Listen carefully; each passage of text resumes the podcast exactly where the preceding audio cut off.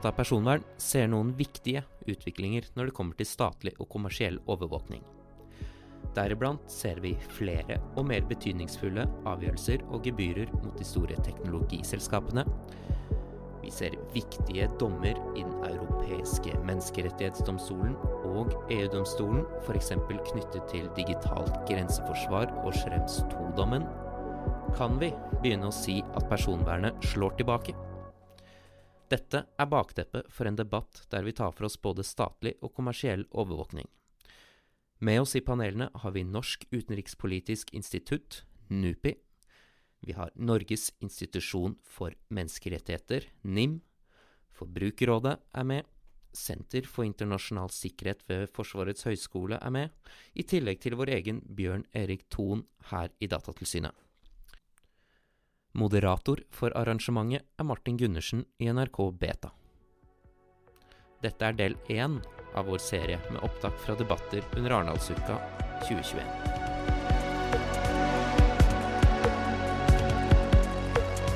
Velkommen og god morgen til dere alle sammen. Dere som er her i salen, og dere som følger oss via streaming.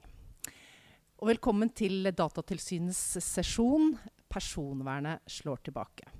Vi skal ha to paneler i dag. En som handler om statlig overvåkning, og en som heter, handler om kommersiell overvåkning av oss mennesker. Og til å lede disse to panelene så har vi fått ingen ringere enn deg, Martin Gundersen, som er journalist i NRK Beta, og har skrevet flere artikler relatert til dette. Men før du slipper til, så tenkte jeg at jeg skal gi dere en kort oversikt over utviklingstrekkene det siste personverntiåret. For ti år siden så hadde vi datalagringsdirektivet, som ble vedtatt av Stortinget. Tre år senere så ble denne kjent ugyldig av EU-domstolen. Og to år etter så sprakk den største personvernskandalen i nyere tid, da Edward Snowden avslørte NSAs enorme overvåkningskapasitet. Og samrøret mellom statlig etterretning og kommersiell kommersielle tjenester. Og i 2015 så hadde vi Schrems 1, eh, som var safe harbored, en overføringsmekanisme mellom EU og eh, USA. Denne ble også kjent ugyldig av EU-domstolen. Og i 2020 så hadde vi Schrems 2, og etterfølgeren etter safe harbored, nemlig Privacy Shield, ble også kjent ugyldig. Så i 2020 så vedtar Stortinget E-tjenesteloven, etterretningsloven. Og denne, deler av denne ble også kjent ugyldig av EU-domstolen. Og i 2018 så har vi Cambridge Analytica, som sender sjokkbølger gjennom Europa, men også resten av verden. Og noen måneder senere så trår personvernforordninga i kraft. Og denne gir oss borgere et sterkere personvern, men gir også datatilsynene sterkere virkemidler. Og i 2019 så ser vi at Bergen får et gebyr av Datatilsynet i Norge på 3 millioner kroner.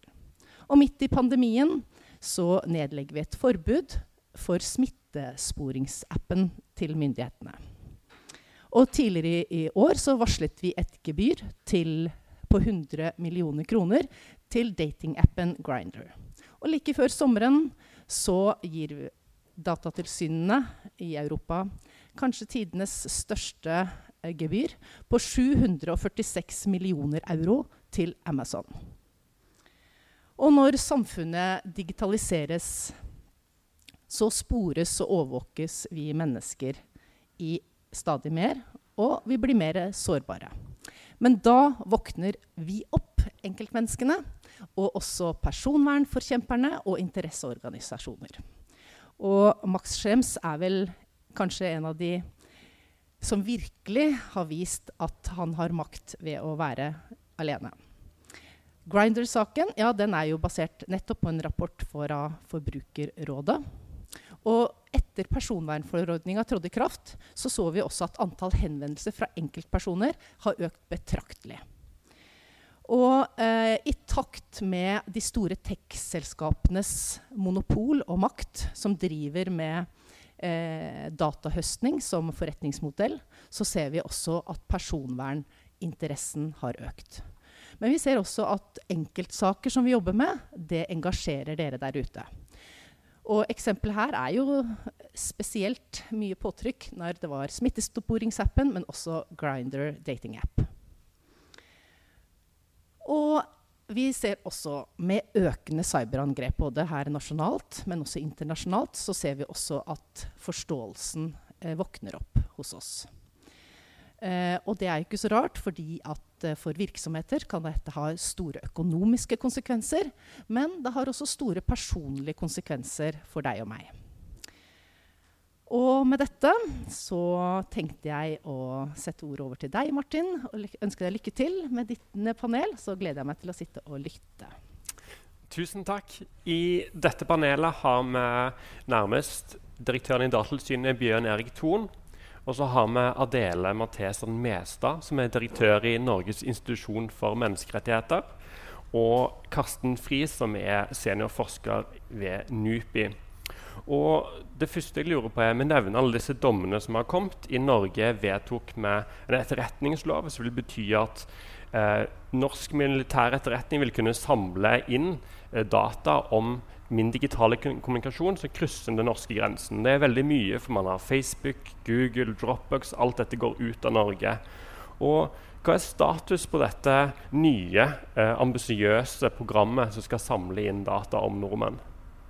Ja, Status der er jo at den delen som du nå nevnte, det som ofte blir kalt for digitalt grenseforsvar, som vi i Datatilsynet har enten kalt digital masseovervåkning, eller når vi er litt i godlune for digital eh, overvåkning, er jo at det er satt på vent. Uh, I påvente av noen rettsavgjørelser som vi helt kom, sikkert kommer til å komme inn på uh, senere.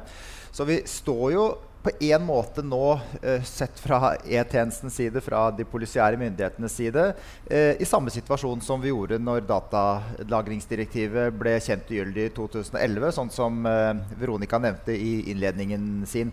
Uh, at uh, Stortinget ikke i tilstrekkelig grad har tatt hensyn til eller kanskje ikke ventet på at det skal komme viktige rettsavgjørelser. Og så står vi i en situasjon hvor vi har havnet i, i limbo. Og jeg syns egentlig den, den, den, beskrivelsen og den gjennomgangen som Veronica ga, den er jo, den er jo selvfølgelig altså Vi har jo kalt dette 'personvern slår tilbake'. Og det er jo litt juks. ikke sant? For det er jo ikke noe sånn entydig bilde av at personvernet slår tilbake. For det er mange ting også som går gæren vei når det gjelder personvernet. Men det er noen viktige ting som har skjedd i de siste årene. Og en ting som vi også helt sikkert skal komme inn på, er jo nettopp det at domstolene har spilt og spiller en veldig viktig rolle, og en helt ny rolle egentlig, som de ikke har spilt, i hvert fall i Norge, i så stor grad tidligere. Hvor de begynner å sette opp grensepåler og rammer for hva staten har lov til å gjøre overfor innbyggerne sine. Uh, og Datalagringsdirektivet er et eksempel på det.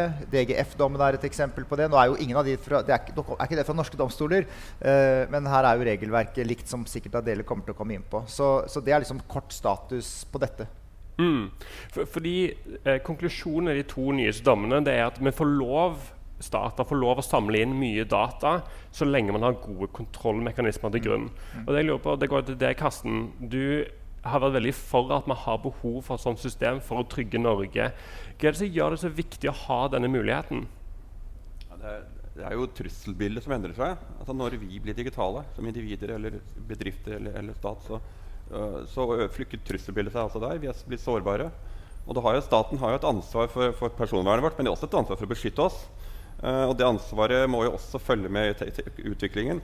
Og, og, når det kommer trusler fra det digitale rom, så må våre myndigheter, om det er politi eller forsvar og, og Hvorfor kan ikke de overvåke bare de kriminelle, eller bare Russland eller bare Kina? Hvorfor må man overvåke nordmenn? Hva er det som er rasjonalet bak at all trafikk må undersøkes. Ja, når det gjelder denne E-loven, så det er jo sånn at Etterretningstjenesten har bare råd til å samle informasjon om utlendinger. Mm.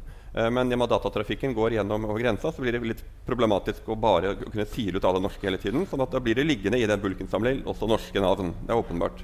Og, og, og, fordi at teknologien er slik at selv kommunikasjon inne i Norge går jo ut av grensene.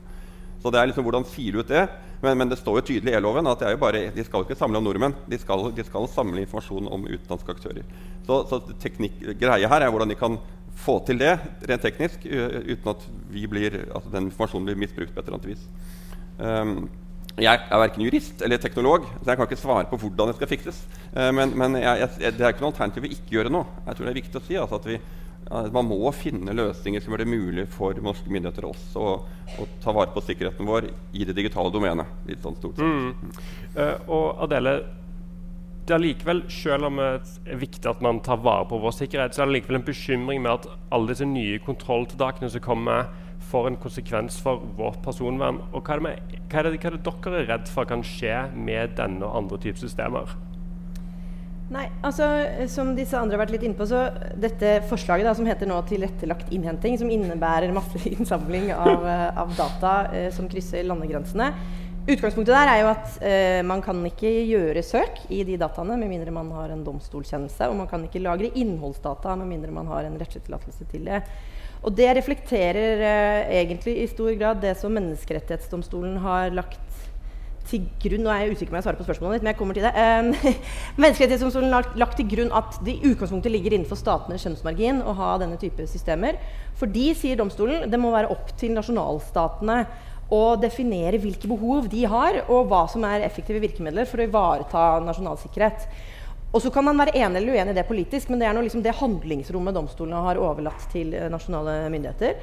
Um, men motstanden mot det går jo stort sett i at man er redd for egentlig litt ulike ting. Man er for det første redd for formålsutglidning.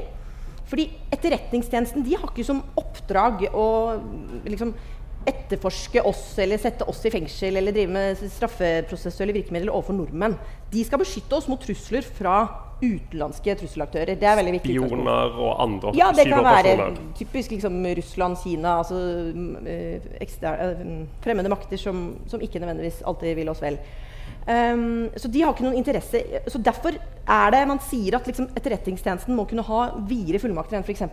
PST eller norsk politi, fordi de skal ikke bruke dette i intern straffesammenheng. Og, uh, og Det betyr også at det for er et bevisforbud her. De kan ikke bruke den dataen de finner, til å etterforske ting i Norge. Men det vil selvfølgelig kunne åpne opp liksom, eh, straffesaker også i Norge. Men, men utgangspunktet er det et bevisforbud der.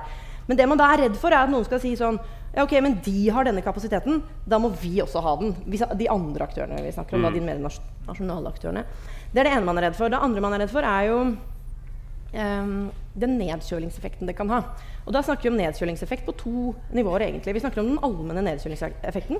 Hva, hva, gjør det med oss? En sånn slags gryende mistanke av at det er noen som følger med på kommunikasjonen vår. Betyr det at vi blir reddere for å si kontroversielle ting? og sånn? Det er veldig vanskelig å måle. Det finnes noen studier, men det er ganske vanskelig å måle.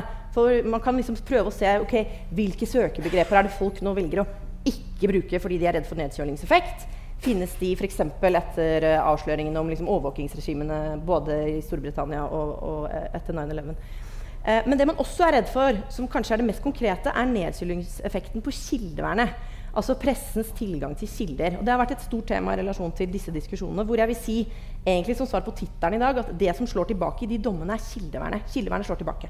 Og kildevernet det har vi fordi Ikke for den enkelte kilde, men fordi den tilgangen som journalister har på kilder, det er helt avgjørende for at de skal kunne ivareta sin funksjon som den fjerde statsmakt. Da må ikke kildene gå rundt og være redde for at noen følger med på dem eller kan røpe hvem de er. Så Derfor sier domstolen mye tydeligere enn den har sagt før i disse dommene um, at uh, vi må ha en bedre beskyttelse, vi må ha uavhengig kontroll knyttet til hvis E-tjenesten skulle komme over informasjon som kan liksom avsløre kontakt mellom en journalist og en kilde. Ja, så jeg tror det er kildevernet som slår tilbake i disse dommene. Ja, for det er jo litt interessant, fordi at gjerne Når noen lekker noe eller deler informasjon med pressen, og det er veldig sensitivt, så kan det være at de bryter loven når de gjør det. Det kan være at de deler statshemmeligheter som, som kan skade Norge på sikt. Så det går jo begge veier her. at liksom det er noe ubehagelig med at vi sprer hemmeligheter eller informasjon som vi vil holde inne. Hvorfor er det så viktig med kildevernet da? Er det ikke fint at staten får holde liksom, på den informasjonen for seg selv? Liksom jeg tror um, den der veldig prinsipielle tilnærmingen til kildevernet som domstolen legger til grunn, den tror jeg er helt ekstremt viktig også i den digitale virkeligheten hvor vi lever i, hvor på en måte redaktørstyrte medier vil få en stadig viktigere rolle, tror jeg, å rydde i det der informasjonskaoset vi ser. Og deres rolle kan ikke ivaretas uten at man har veldig god beskyttelse av kildevernet. Det er på en måte forutsetningen for uh, at de skal kunne fungere som den der public watchdogen, eller den offentlige vaktbikkjen, Mm. som, som er helt sånn avgjørende, tror jeg. Og det er jo et menneskerettighetspoeng. Det er det som er poenget. Det er liksom beskyttet av EMK artikkel 10, som beskytter ytringsfriheten. Bjørn Erik? Jeg har bare lyst til å plukke opp noen av de, de trådene som Adele legger ut her. Eh, for veldig mye av det du påpeker, er jo sånn helt sentrale ting i debatten om eh, digital eh, overvåkning. Eller ja, som du sier, tilrettelagt innhenting er jo av det morsomste ordene som lovgiver har funnet på noen gang. Det høres jo helt uskyldig ut, men er det slett ikke. Eh, og eh, vi, eh, vi snakker jo her om en helt ny teknologi. om at man skal kunne, kunne sile ut data. Teknologimiljøet i Norge, og vi har jo en, fremtre, en fremtredende representant til ste- stede her i dag, Lise, tidligere president i Tekna, som har sagt at dette får man ikke til. Det er veldig veldig vanskelig å lage et system hvor man siler ut uh, data unnskyld, kommunikasjon som er mellom norske borgere i Norge, som E-tjenesten ikke skal ha noe av, uh, med. Så det er liksom punkt nummer én. Uh, formålsutglidningen er allerede i gang. Jeg skal ikke si at jeg garanterer, men det er helt sikkert andre tjenester, politiet, PST ja, Nå er PST en del av politiet, men allikevel, som vet at de dataene som vil ligge i disse svære lagrene, de vil ha så stor verdi at de kommer til å ønske tilgang til dem. Og det har de også skrevet i høringsuttalelsene sine. At dette er så viktige data at det må også vi få tilgang til. Og det bevisforbudet det kommer til å stå seg akkurat så lenge som at noen vet at i dette, igjen, disse datalagrene så ligger det opplysninger som kan avsløre Og jeg er ganske sikker på at det kommer til å være knyttet til pedofili eller spredning av eh, overgrep mot barn. Eh, og så kommer det til å ryke. For da kommer de til å si at det er så viktig at vi er nødt til å få de dataene og bruke de som bevis til en domstol. Eh, og vi så akkurat de samme argumentene fremført i datalagringsdirektivet. Eh, så det som er problemet med denne loven, er at den igjen gaper over altfor mye. Den skal ha med seg absolutt alle ting, og så ender det opp kanskje sånn som eh, eh, Riksadvokaten sa så klokt Nå skal jeg bare si at jeg ikke siterer han feil. At for vidtgående kontrollregimer vil før eller siden utfordre det alminnelige publikums tillit til kontrollørene og de systemene de representerer. Og dette var det altså Riksadvokaten som skrev i sin høringsuttalelse. Og det er en ganske sterk og klar uttalelse. Og vi kan så skal jeg bare slippe ordet, vi kan nå ende opp i akkurat den samme situasjonen som vi var med datalagringsdirektivet. Pedofilikortet, eller det vi kalte for terrorpedonazi altså da, liksom det er den verste trusselen du kan tenke deg, terrorpedonasi, eh, var jo hovedtrusselaktøren under datalagringsdirektivet.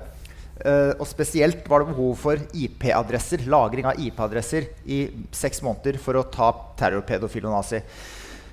Men så ble datalagringsdirektivet kjent ugyldig. Og frem til nå så har altså ikke politiet kunnet lagre eller bruke eh, IP-adresser som de har hatt så stor behov for etter hva de selv sier. Og det tror jeg sikkert at de kan ha. Og nå kan vi komme i akkurat den samme situasjonen. At E-tjenesten får dårligere verktøy i verktøykassa si nettopp fordi at de har vil gape over for mye. Istedenfor Nå får vi se hva som kommer av justeringer. Så, nå ligger jo denne loven i Stortinget da, og, kommer justeringer. Men vi må være forsiktige med å også dra det for langt. øh, og som også Riksadvokaten sa, det handler veldig mye om tillit, dette. Og at domstolene nå to ganger har satt ned foten og sagt at dette lovforslaget det går faktisk for langt, og at det må gå tilbake til ny behandling i Stortinget, det er jo ikke heldig verken for kontrollørene eller de som vedtar lover.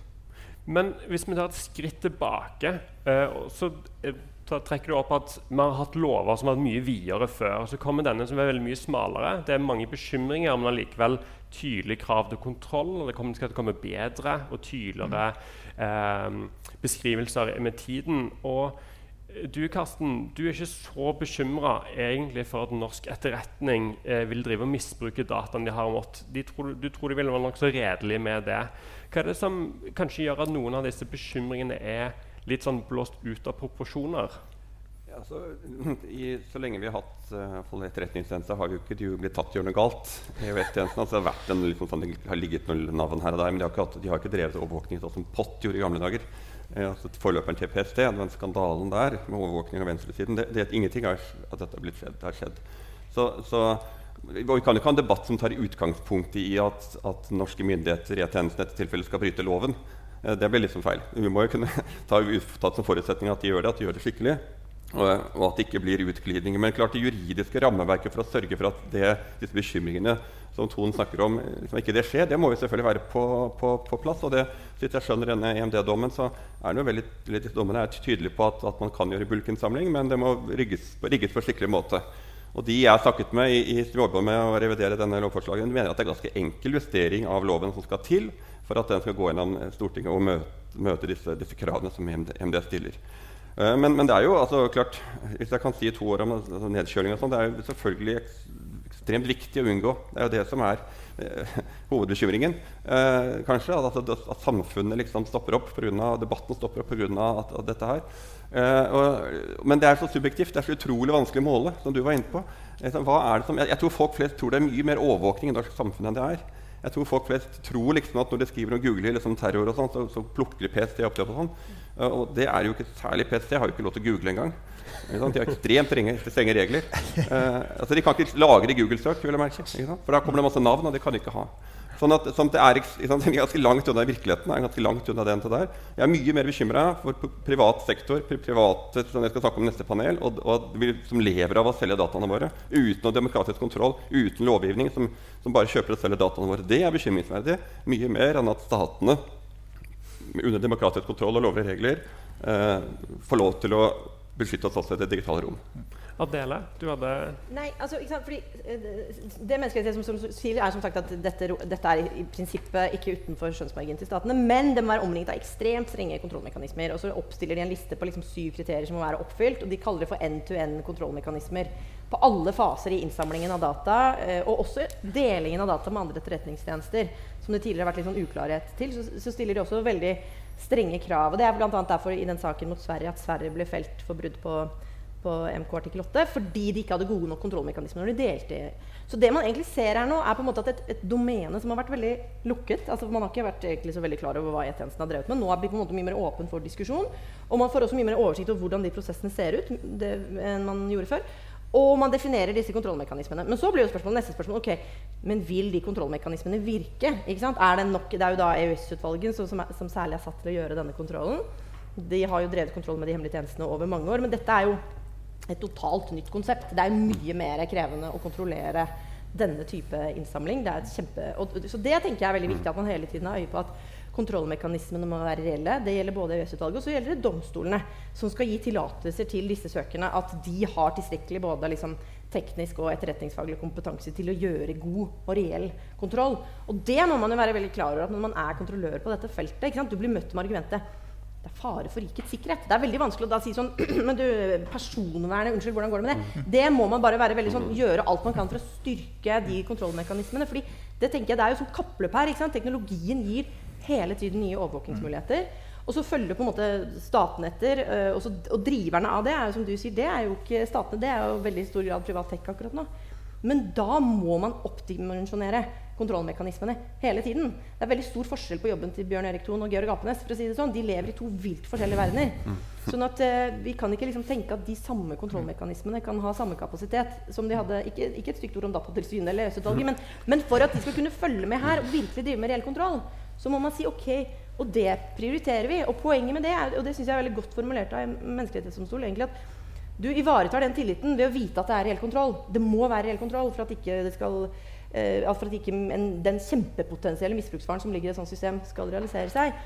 Og poenget med det er å ikke som domstolen sier, 'undermine democracy under the cloak of defending it'. Mm. Det er hele poenget. Vi, vi, beskytter demokratiet, men vi må ikke underminere demokratiet gjennom måten vi beskytter det på. Mm. Og Derfor må kontrollmekanismene ikke bare være der i loven, de må være operative i praksis. Og Derfor er det bra at Stortinget har sagt at denne loven, når den iverksettes, skal evalueres etter fire år. Det tror jeg er kjempeviktig. Ja, for det er Et av de poengene du har hatt, eh, Karsten, når det kommer eksempel, eh, man har hatt I Danmark så har man hatt et eh, lignende system eh, som har vært eh, ikke offentlig diskutert i eh, samme grad som Norge. Det er ingen lov som sier at man har systemet og det er vedtatt på forhånd.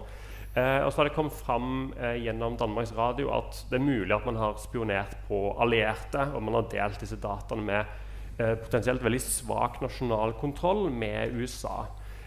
Og det er du veldig kritisk til, for du mener at man skal ha kontroll med et sånt system i Norge. Og det er et viktig element å vise at liksom, med tilliten verdig. Hva, hva, ser det ut som at man har god nasjonal kontroll og god åpenhet om en sånn løsning? Ja, altså Først så må vi ha lovverket på plass og, og kontrollmekanismene, som, som, du sier. Uh, og, og, så må man selvfølgelig ha, ha, kompetansen og teknologien. Og jeg har hørt hva Tekna sier om at det er ikke så lett å få til i praksis. Og klart Det verste er jo hvis etter disse litt sånn spooky overvåkningsfirmaene selger teknologien til E-tjenesten og vil liksom outsource det til privat amerikansk sikkerhetsselskap. Det, det, det, sant? Vi må, må kunne klare å gjøre dette selv. Uh, men det som har skjedd i Danmark, er at man har dårligere kontrollmekanismer. Man lot amerikanerne liksom bare koble seg på kablene og så kjøre på. Uh, man lar dem Akkurat som om vi skulle hatt eh, amerikanske altså, La oss si at alt det som E-tjenesten samler opp i Nord-Norge, eh, og vi bare sentrer det til rett til amerikanerne uten å se på det selv, eller analysere det selv. Så det gjør vi ikke. Det skal det blir veldig praktisk. Ja, praktisk, ja, men man har, man, har, jo da en vasall eller en, en nytteidiot eller et eller annet. Men for øvrig det er fullt lovlig å spionere på utlendinger. Eh, det gjør alle land, og det er ikke forbudt i noen lov. Og det er eh, kanskje et problem med mangel på statlig kontroll. fordi hvis vi spionerer masse og deler dette videre, så kan vi dele med svenskene, danskene og USA, og de kan dele med nordmenn osv. Man kan omgå en del av disse begrensningene med å dele veldig vidt. Eh, hvor, hvor bekymra er du for at man i Europa deler masse etterretning om eh, nordmenn og andre over lav sko så lenge det ikke er egne borgere? Altså, eh, Norge bruker ikke mye ressurser på, bruker ikke ressurser på allierte.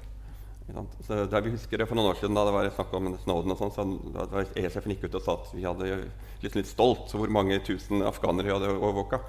Ikke sant? Eh, eh, men, men, men, man bruker ikke ressurser på det. Det er også hvor mye, hvor mye overvåkning det er blant etterretningstjenester i Europa. Det er kanskje blant politisiden. Men jeg mm. tror ikke det er så veldig mye mellom allierte. Uh, man har andre ting å bruke ressurser på. Uh, men klart amerikanerne og sånn, må ikke være naive her. De gjør det de kan. og de, og de, vanligvis har de hatt sånne søkeord som Snowden viste oss. at De, de søker på alle som skriver 'terrorist', eller sånt, og så plukker de opp alle de. Men den casen i Danmark var jo omvendt. at De, de påstås iallfall at, at de gjorde et målrettet spionasje mot individer, altså nordmenn og dansker. og sånn. Mm. Nei, altså, denne, denne, debatten må ikke handle bare om E-tjenesten. Uh, den må handle om overvåkning totalt. Uh, og hvis vi går tilbake til det som kanskje var tidsskillet i overvåkningen, så er jo det 2001 og terrorangrepene i USA. Uh, og etter det så har vi jo fått veldig mange ulike terrorpakker. ikke sant? I 2002, og 5, og 8, og 11, og 13 og 16, og nå uh, ja, sikkert etter, etter det også. Uh, som egentlig er et eksempel på at personvernet liksom ikke har slått tilbake. men samtidig, og det er jo helt enig med Karsten i, så kan vi jo ikke overvåke i 2021 med 20, nei, 2001-virkemidler. Det går jo ikke. Vi må jo la hele tiden E-tjenesten også få nye, få nye verktøy som, uh, som de, kan, de, kan, bruke. Så det er vi liksom helt med på. Men jeg, jeg, å, jeg må få lov til å gripe fast i én ting du sa. Fordi du sa at vi kan ikke ha en debatt som tar utgangspunkt i at loven brytes. Det er jeg helt uenig med i. Uh, vi må ha alle debatter og nå spissformulerer jeg det veldig, med utgangspunkt i at loven brytes. Det er derfor du har forvaltningsloven, det er derfor du har straffeprosessloven. Det er derfor du har masse lovgivning rundt det materielle regelverket som nettopp skal sikre at loven ikke brytes. Ikke du, du, kan ikke stole på at Datatilsynet gjør jobben vår. Du er nødt til å ha. Hmm? Det er det du har pressen til. Ja, dere er så snille mot oss. Og, nei, da, men, nei, men det, og dette, mener, dette, er, dette er utrolig viktig, en, en, utrolig viktig ting. Altså, vi, vi kan ikke bygge uh, overvåkningssystemer eller sånn som oss, som skriver ut milliongebyrer, på tillit. Vi må bygge det på lovgivning og vi må bygge det på kontrollmekanismer. Uh, så derfor så syns jeg Det er mulig at du også formulerte det litt spissere enn det du mente. Men altså, utgangspunktet i debatten er at vi kan ikke stole på oss som sitter og har makt i samfunnet. Uh, jeg stoler på E-tjenesten. Jeg stoler på PST. Eh, men vi kan ikke bygge systemet på at vi stoler på dem.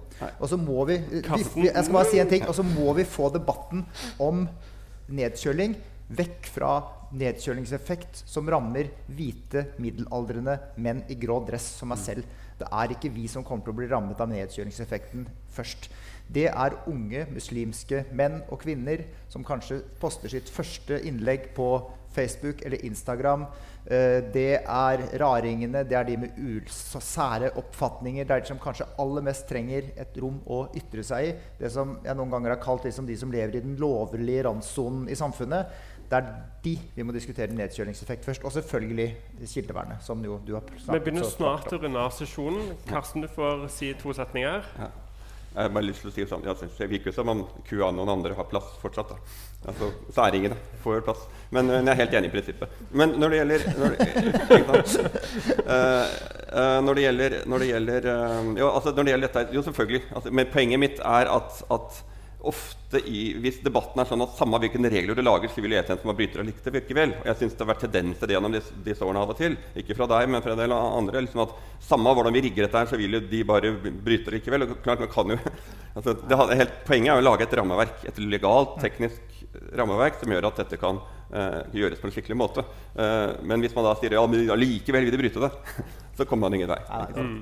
Adele, Nei, nå er det jo ikke noen si, representanter for E-tjenesten eller eh, Forsvarsdepartementet. Så jeg har bare lyst til å si at man, man må se ganske nøye på begrunnelsen for å innføre et sånt system. Eh, vi lever i en verden hvor eh, trusselbildet Dette kan jo du mye mer enn meg om, så jeg skjønner ikke hvorfor jeg snakker om dette nå, egentlig. Men, men eh, trusselbildet er ganske, ganske alvorlig. ikke sant? Vi har hackingangrep av Stortinget. Vi hadde et angrep på Helse Sør-Øst for noen år tilbake hvor liksom, uh, som var veldig alvorlig. Og det også utfordrer jo demokratiet vårt. Virkelig i kjernen av demokratiet vårt. Og det utfordrer uh, sensitive data, helsedata, som uh, andre som absolutt ikke skal ha tilgang til, uh, hadde tilgang til. Mm. Eh, sånn at eh, når, man snakker om dette, så må man også se på det liksom i det perspektivet at jeg, jeg tror, uh, staten har ikke noen plikt til å innføre et sånt system. Det, det mener ikke vi heller. Men, men, det er en veldig tungtveiende interesse som, som, begrunner hvorfor man innfører det systemet. Og så er problemet Det er fryktelig vanskelig for oss, i hvert fall meg, jeg vet ikke hvordan det er med deg, men å, å vurdere liksom Ok, er, er etterretningsbehovet sånn at dette er måten man, man, beskytter seg mot det trusselbildet på? Til det sier domstolen de, de baserer seg på en sånn etterretningsrapport uh, som på en måte går gjennom ok, hva var alternativene eh, vi legger til grunn at det ikke var tilstrekkelige mm. alternativer for, for, å buffre mot den, den faren altså, som er helt reell. Eh, og det tenker jeg, det må man også ha med seg at det er på en måte, det er ikke sånn at det er personvern i den ene vektskålen. og så ikke noe, altså Det er veldig tunge ting i den andre vektskålen. Eh, og det tenker jeg må være liksom et premiss. Eh, nå må du gjerne supplere meg her, fordi jeg er litt Nei, fint, det. Så bra, men jeg konsentrerer meg på samme bord. Nei, det, det, det, må ikke bare sånn, Du må ikke sitte noe inntrykk her om at digital masseovervåkning vil forhindre dataangrep mot Stortinget og Helse Sør-Øst. Uh, altså det, er, det, er, å dra det sånn som jeg ser det altfor langt. Og dessuten så kan man bruke helt andre virkemidler for å stanse uh, den type dataangrep enn det man har det vi, har, det vi har diskutert her, bl.a. med systemer som, som uh, internkontrollsystemer, revisjoner, altså mange av de tingene som vi jobber med, som vil kunne ta mange av disse tingene her. Sånn. Jeg har sett at det kortet har blitt dratt noen ganger og sagt at ja, hadde vi bare hatt digitalt grenseforsvar eller digital masseovervåkning eller tilrettelagt innhentning særlig, så kunne vi stoppet alle disse cyberangrepene. Men det tror jeg nok er en uh, diskusjon som uh, jeg vil utfordre ganske kraftig på. Uh, da tenker jeg at vi runder av her. Tusen takk eh, veldig mye for at dere vil komme, alle sammen. Eh, og så håper jeg ikke at eh, det ble noen som fikk siste ord, eh, og noe usagt ennå.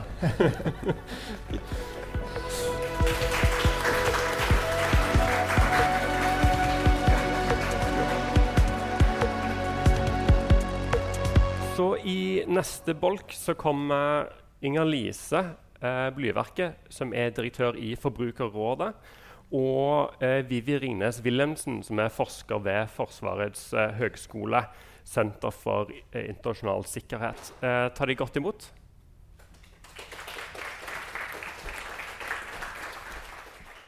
Vi har snakket mye om dette med kommersiell overvåkning og hvordan det kan ende opp hos statlig etterretning, eller at en bekymring for at de gir et dårlig rykte til de statlige etterretningsaktørene. Og Eh, I eh, Norge så har Forbrukerrådet hatt en rekke rapporter opp igjennom som ser på oss forbrukere, hvor gode rettigheter har vi. Og dere har ikke kommet fram til noen fantastisk positive konklusjoner til hvordan det ser ut på nett.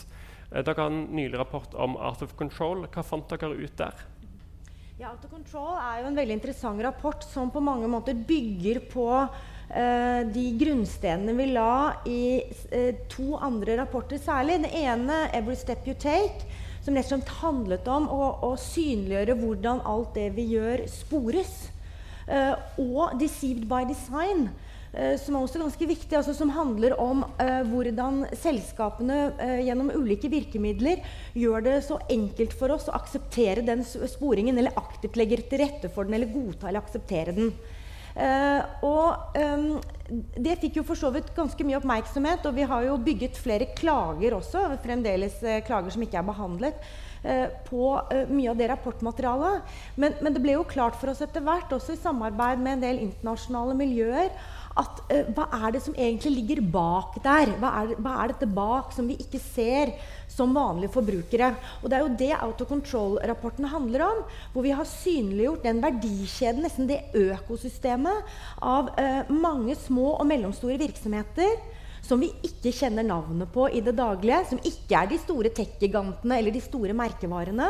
Men som baserer helt og fullt forretningsmodellen sin og inntjeningen sin på å samle inn data om oss Eh, bygge eh, profiler, det vi kaller for digitale tvillinger, eh, og selge dem og, altså, tvillingen og informasjonen videre gjennom et sinnerikt meglingssystem som gjør at det kommer uh, målretta reklame tilbake til oss når vi er på vårt mest mottagelige eller kanskje sårbare. Mm. og hele den det økosystemet det eh, opplever i hvert fall vi at det er vanskelig å få tak i, også for veldig mange politikere. Eh, og Derfor så valgte jo vi å synliggjøre det med å ta utgangspunkt i noe man kjenner. Altså Det som er veldig nært oss forbrukere, og det er jo de appene vi bruker. Og så valgte vi eh, å løfte fram Grinder, som selvfølgelig er eh, særskilt eh, interessant i den forstand at eh, i og med at det er en sjekkeapp for menn som ønsker å ha sex med andre menn, så ligger det åpenbart muligheter for sensitive data der. Men kanskje like viktig er jo hva er det som skjer fra den appen, som vi på mange måter kan ha et de appene kan vi på mange måter ha et nesten personlig forhold til. Eh, hva skjer med de dataene videre innover i et system? Og Det er da vi får frem synes jeg, på en veldig god måte, bl.a. også i samarbeid med Max Schem, som har vært nevnt før her i dag, eh, at eh, denne deles med hundrevis, kanskje tusenvis av ulike selskaper.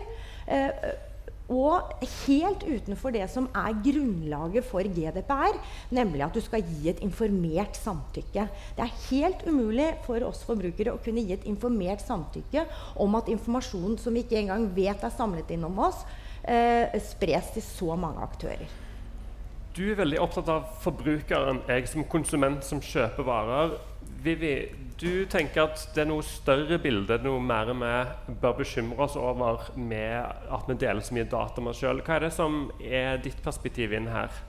Uh, ja, jeg er jo her fordi at jeg jobber på syprogrammet på Forsvarets høgskole og egentlig har sett på akkurat det Karsten var mest bekymret for. Har jeg litt ekko i mikrofonen min, eller er det bare Ja, samme av det. Eh, grunnen til at eh, jeg tror jeg er blitt invitert i dag, er fordi at det jeg har sett på, er egentlig om disse finmaskede datasettene som du snakker om, eh, og den ikke-reelle anonymiteten som er helt til stede, eh, resulterer i det man kan kalle et åpenhetens dilemma, hvor på en måte mengden informasjon blir så omfattende at den innsikten som man kan utlede derfra, burde være gradert. Eh, så ser man at den informasjonen kan brukes til kartlegging av Norges befolkning, atferdspåvirkning, holdningspåvirkninger. Og disse datasettene de lever evig. Min måte, primære inngangsportal til denne debatten er dermed liksom å stille spørsmålet når disse kollektive datasettene, altså datasett for alle som samles, er uh, så store, og den enkeltes personvernspreferanser er så liten, burde vi da anse det mer som en kollektiv risiko og på en måte bruke personvernet mer som ikke en sikkerhet versus personvernsdilemma, sånn som har vært anerkjent her tidligere i dag, men mer er personvernet en lavthengende frukt for en måte hvor vi faktisk kan skru av krana for den informasjonen som fremmede stater kan bruke for å påvirke oss. Ja, for Vi snakket om at det er en bekymring om eh, statlige hackeangrep. At man kommer oss inn i e-postsystemer eller helsejournaler.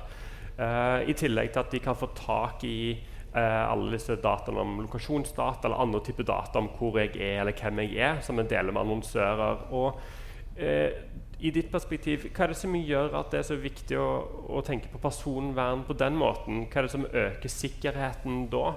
Um, hvorfor, må, uh, hvorfor bør personvernaktivister egentlig alliere seg med folk som er opptatt av sikkerhetspolitikk?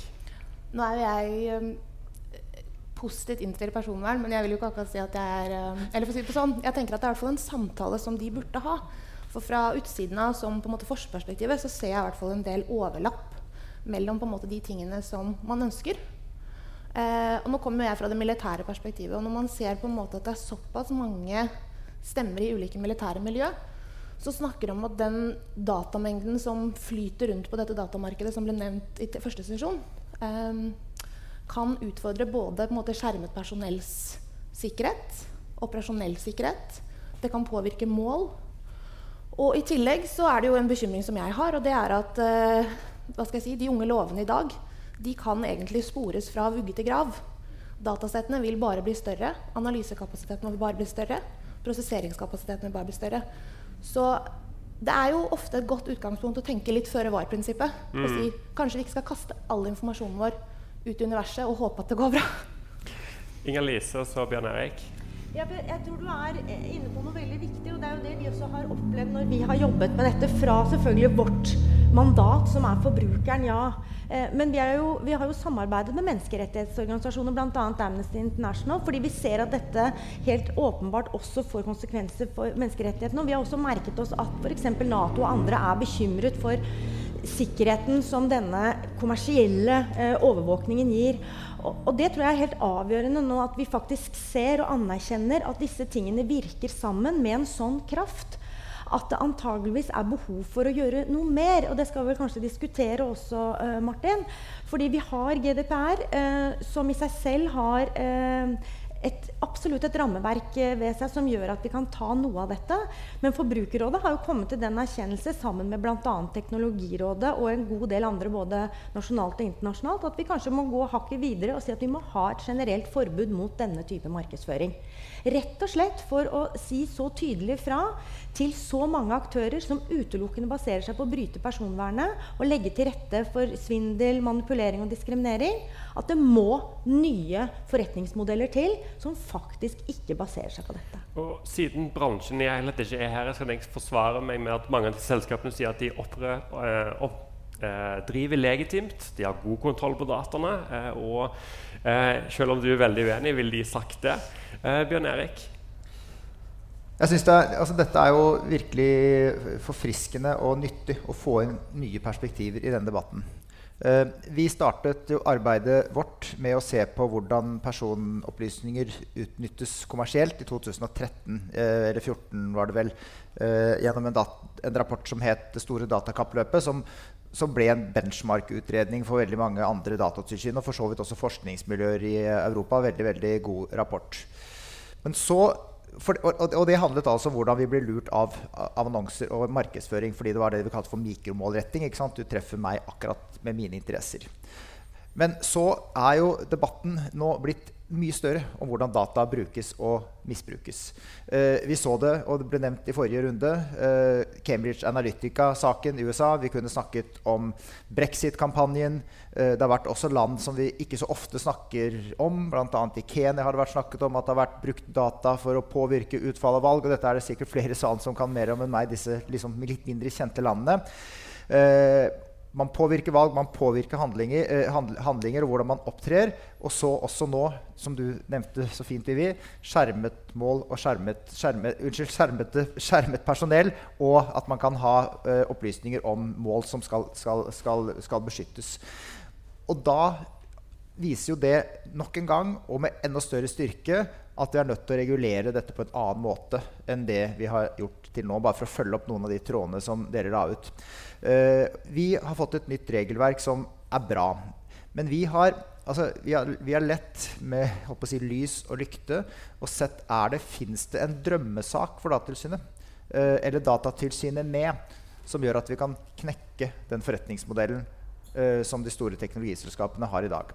Og svaret på det så langt er jo nei. Det har vi ikke gjort. og hvis vi ikke har liksom, en drømmesak klarer å finne drømmesaken som gjør at vi kan bryte den makten de har, for å som sagt, påvirke utfallet av et presidentvalg i et annet land. Det er kjempealvorlig. Så må vi se etter andre virkemidler uh, for den maktforskyvingen som nå har skjedd. Vi snakket i stad om liksom, kontrollmekanismene med de hemmelige tjenestene på nasjonalt nivå, som er kjempeviktig. Men mye av makten har jo flyttet over til de kommersielle selskapene, som vi jo ikke har noen nasjonal, i hvert fall i Norge, noen nasjonal kontrollmyndighet i hele tatt. Og jeg var med i en debatt i går uh, hvor tre politikere sto og snakket om hvor, uh, uh, hvor, kjempeutfordrende det var med persondata og innsamling og sånt noe. Men alle tre hadde Facebook-sider hvor de liksom gladelig delte bilder av det ene og det andre, og de stekte egg og holdt på på disse hjemmesidene sine, som jo er, som er helt strålende på en måte, men de mater jo liksom Google-dyret. Så du kan nesten ikke delta i en digital valgkamp eller være en aktiv velger som stiller spør spørsmål til, uh, til, politikere uten at du mater de store amerikanske dyrene. Og det er, kjempe, det er kjempealvorlig. Så jeg har ikke noe svar på hvordan vi skal regulere dette. Jeg tror vi kan komme et stykke på vei ved å utbedre samarbeidsmekanismene. Jeg vet du har det på blokka, Martin, så jeg skal ikke gå noe nærmere inn på det nå. Men liksom å tenke helt på nye måter hvordan vi skal regulere det. Jeg tror det er helt nødvendig. For de har fått en makt som, vi, som ikke er, det er ikke bærekraftig fra et demokratisk perspektiv. Og jeg tror heller ikke fra et økonomisk, sånn som det utvikler seg nå. Ja, for Vi har to perspektiver. som nevnt. Det ene er eh, det nye GDPR kom for tre år siden.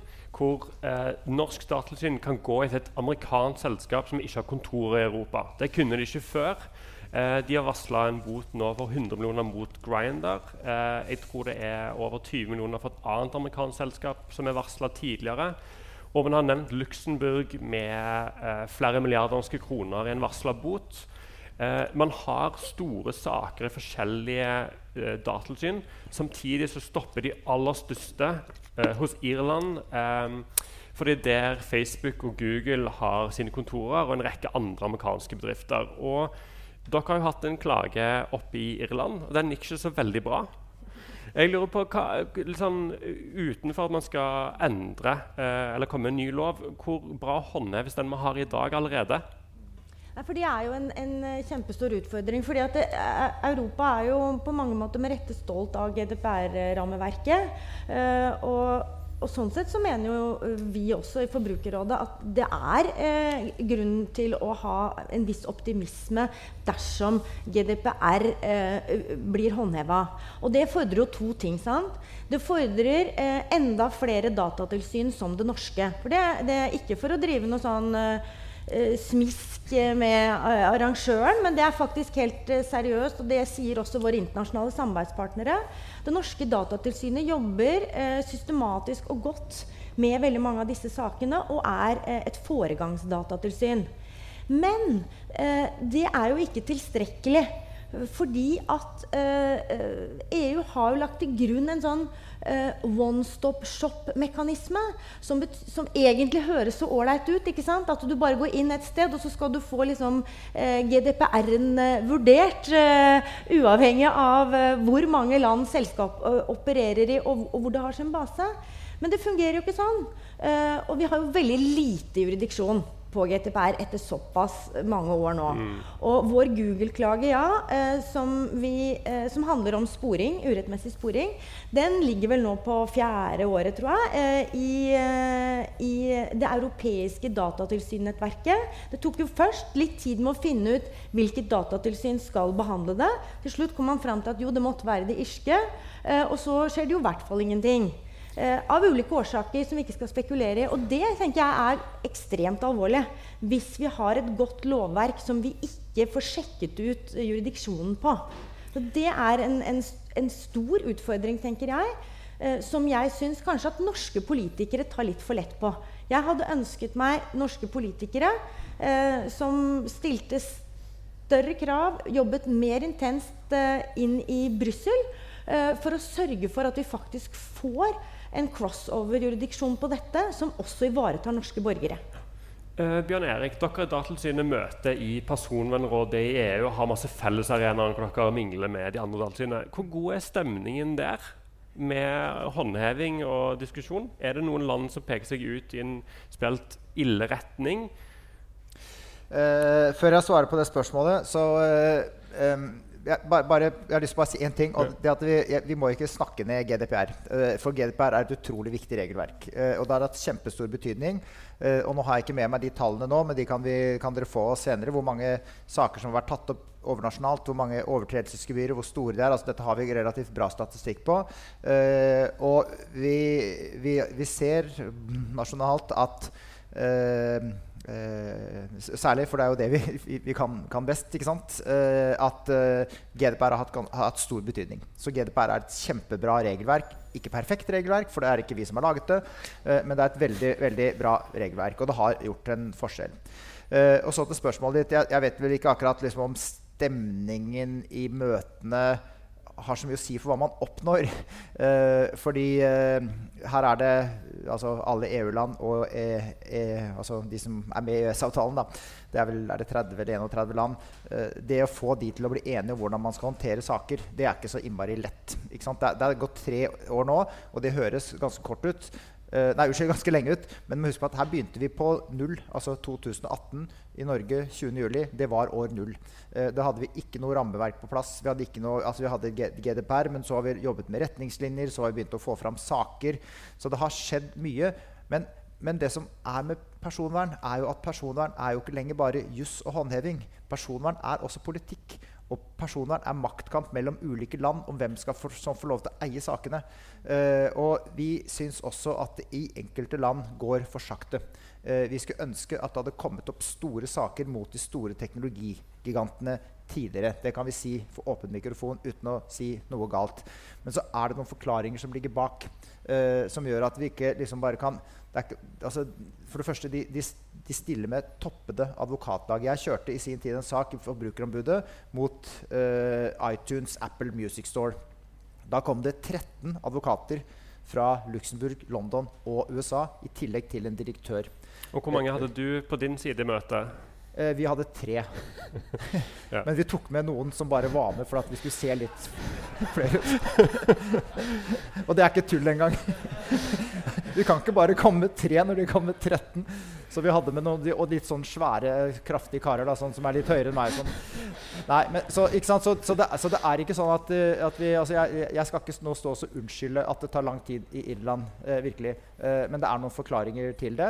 Og så ser vi også at det er ting som burde, gått, som burde gått raskere. Jeg, jeg, jeg, er helt enig i det. Men det går riktig vei, eh, og det kommer til å bli bra, men det kommer til å ta litt tid. Uh, og så, veldig, så, håper jo vi da, at det vi har gjort bl.a. med Grinder, som jo er et system og vi, vi, Det kan vi jo si. At vi prøver jo i den saken med Grinder eh, å gå utenom det europeiske eh, one stop shop-systemet for å gå direkte mot USA. For der kan vi gjøre som vi vil. der kan vi gjøre akkurat som vi vil. der trenger vi ikke å gå på dette europeiske systemet, og da kan vi jobbe så raskt som vi får til. Og vi klarer å jobbe ganske raskt som regel. Og det er jo flere datatilsyn som har gjort, eh, og det har funnet eh, enkeltselskaper som mm. ikke har kontor i Europa. Eller de har funnet ut at mm. f.eks. Amazon har kontor i Luxembourg. Mm. Da kan man gå etter de der. Mm. Sånn at man har ulike måter å håndheve i enkeltsaker. Og totalt sett så vil jeg vel si at man ser en kulturendring i mm. kommersielle bransjen, hvor uh, man, man, har fått flere som er opptatt av personvern. Mm. Man har kanskje også fått en personvernindustri, hvis man ser på jurister og andre mm. som jobber med begrenset data. Mm. Eh, jeg lurer på, Kan man si at det har vært en positiv retning totalt sett der? Jeg tenker Først deg, og så Inger Lise kjapt.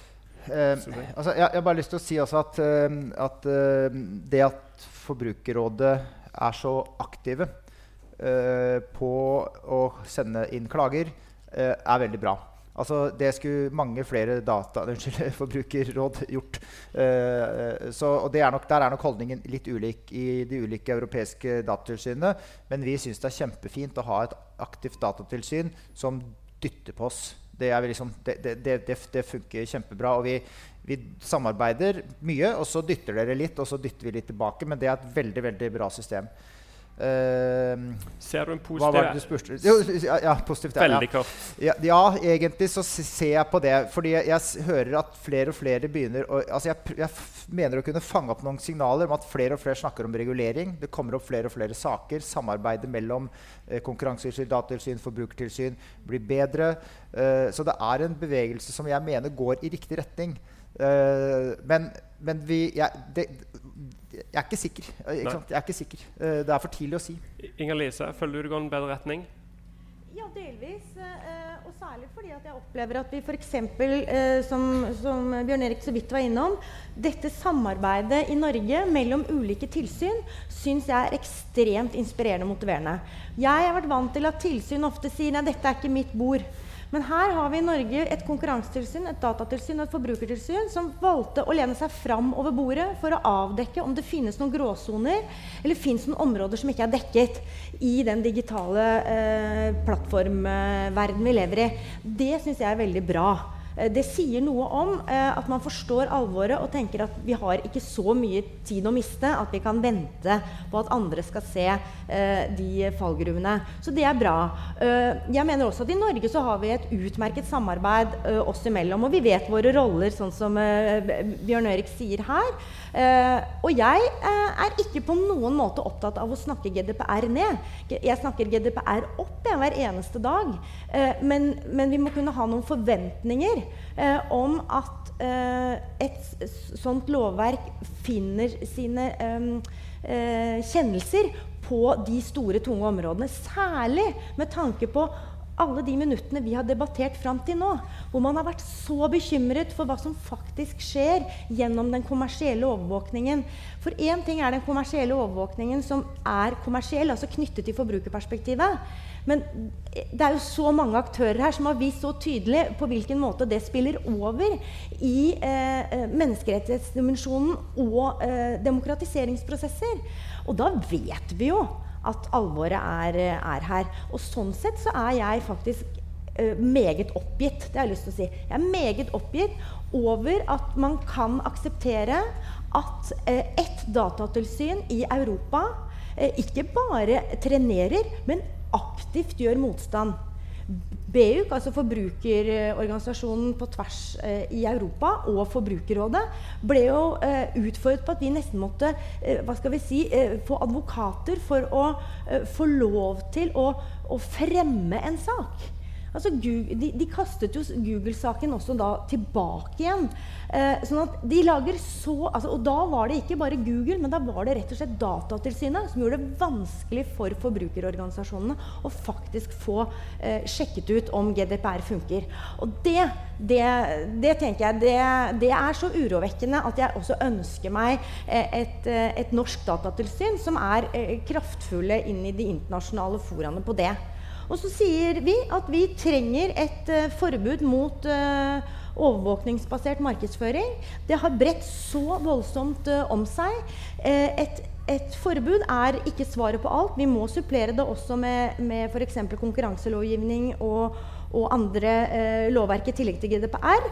Men vi må sette en stopper for en så stor bransje som så eklatant bryter personvernet. Og sørge for at også myndighetene da legger til rette for eh, og eh, gir insentiver til utvikling av nye forretningsmodeller som ikke baserer seg på denne omfattende sporingen og videresalget av eh, personopplysninger.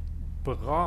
Eh, nå er ikke Irland her til å forsvare seg, men de vil sagt de har kompliserte prosessregler, og at de gjør en veldig god jobb innenfor de rammene de har fått. Jeg tror vi runder av nå. Hvis du har én setning, så kan du få lov å si det. Uh, nei, det had, jeg har ikke tenkt å si noe mer om det med Irland og sånn. Uh, men uh, jeg tror at et forbud mot overvåkningsbasert markedsføring dessverre blir litt, for å bruke et litt spisset uttrykk, pislete. Eh, for det vi har diskutert her, det viser at eh, de forretningsmodellene som er vært, har blitt bygd opp, det handler om mye mer enn markedsføring. Og der syns jeg de perspektivene som du trakk fram, var, er utrolig viktig. Og, eh, og, og som jeg sa stad, veldig, veldig forfriskende. Og jeg ser jo at her er det nye allianser uh, som begynner å utkrystallisere seg. Uh, og at andre som jo kommer fra helt andre bakgrunn og en annen sektor enn en, en det jeg og, og vi gjør, har en del av de samme bekymringene. så jeg tror at vi heller bør prøve å bygge videre på disse alliansene.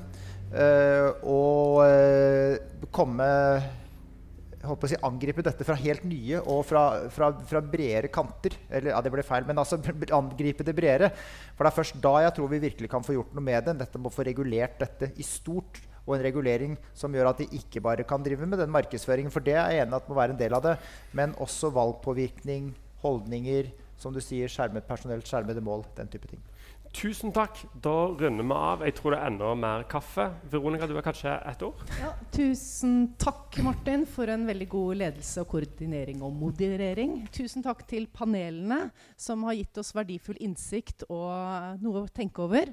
Um, og tusen takk til våre tilhørere, både her i salen og på streaming.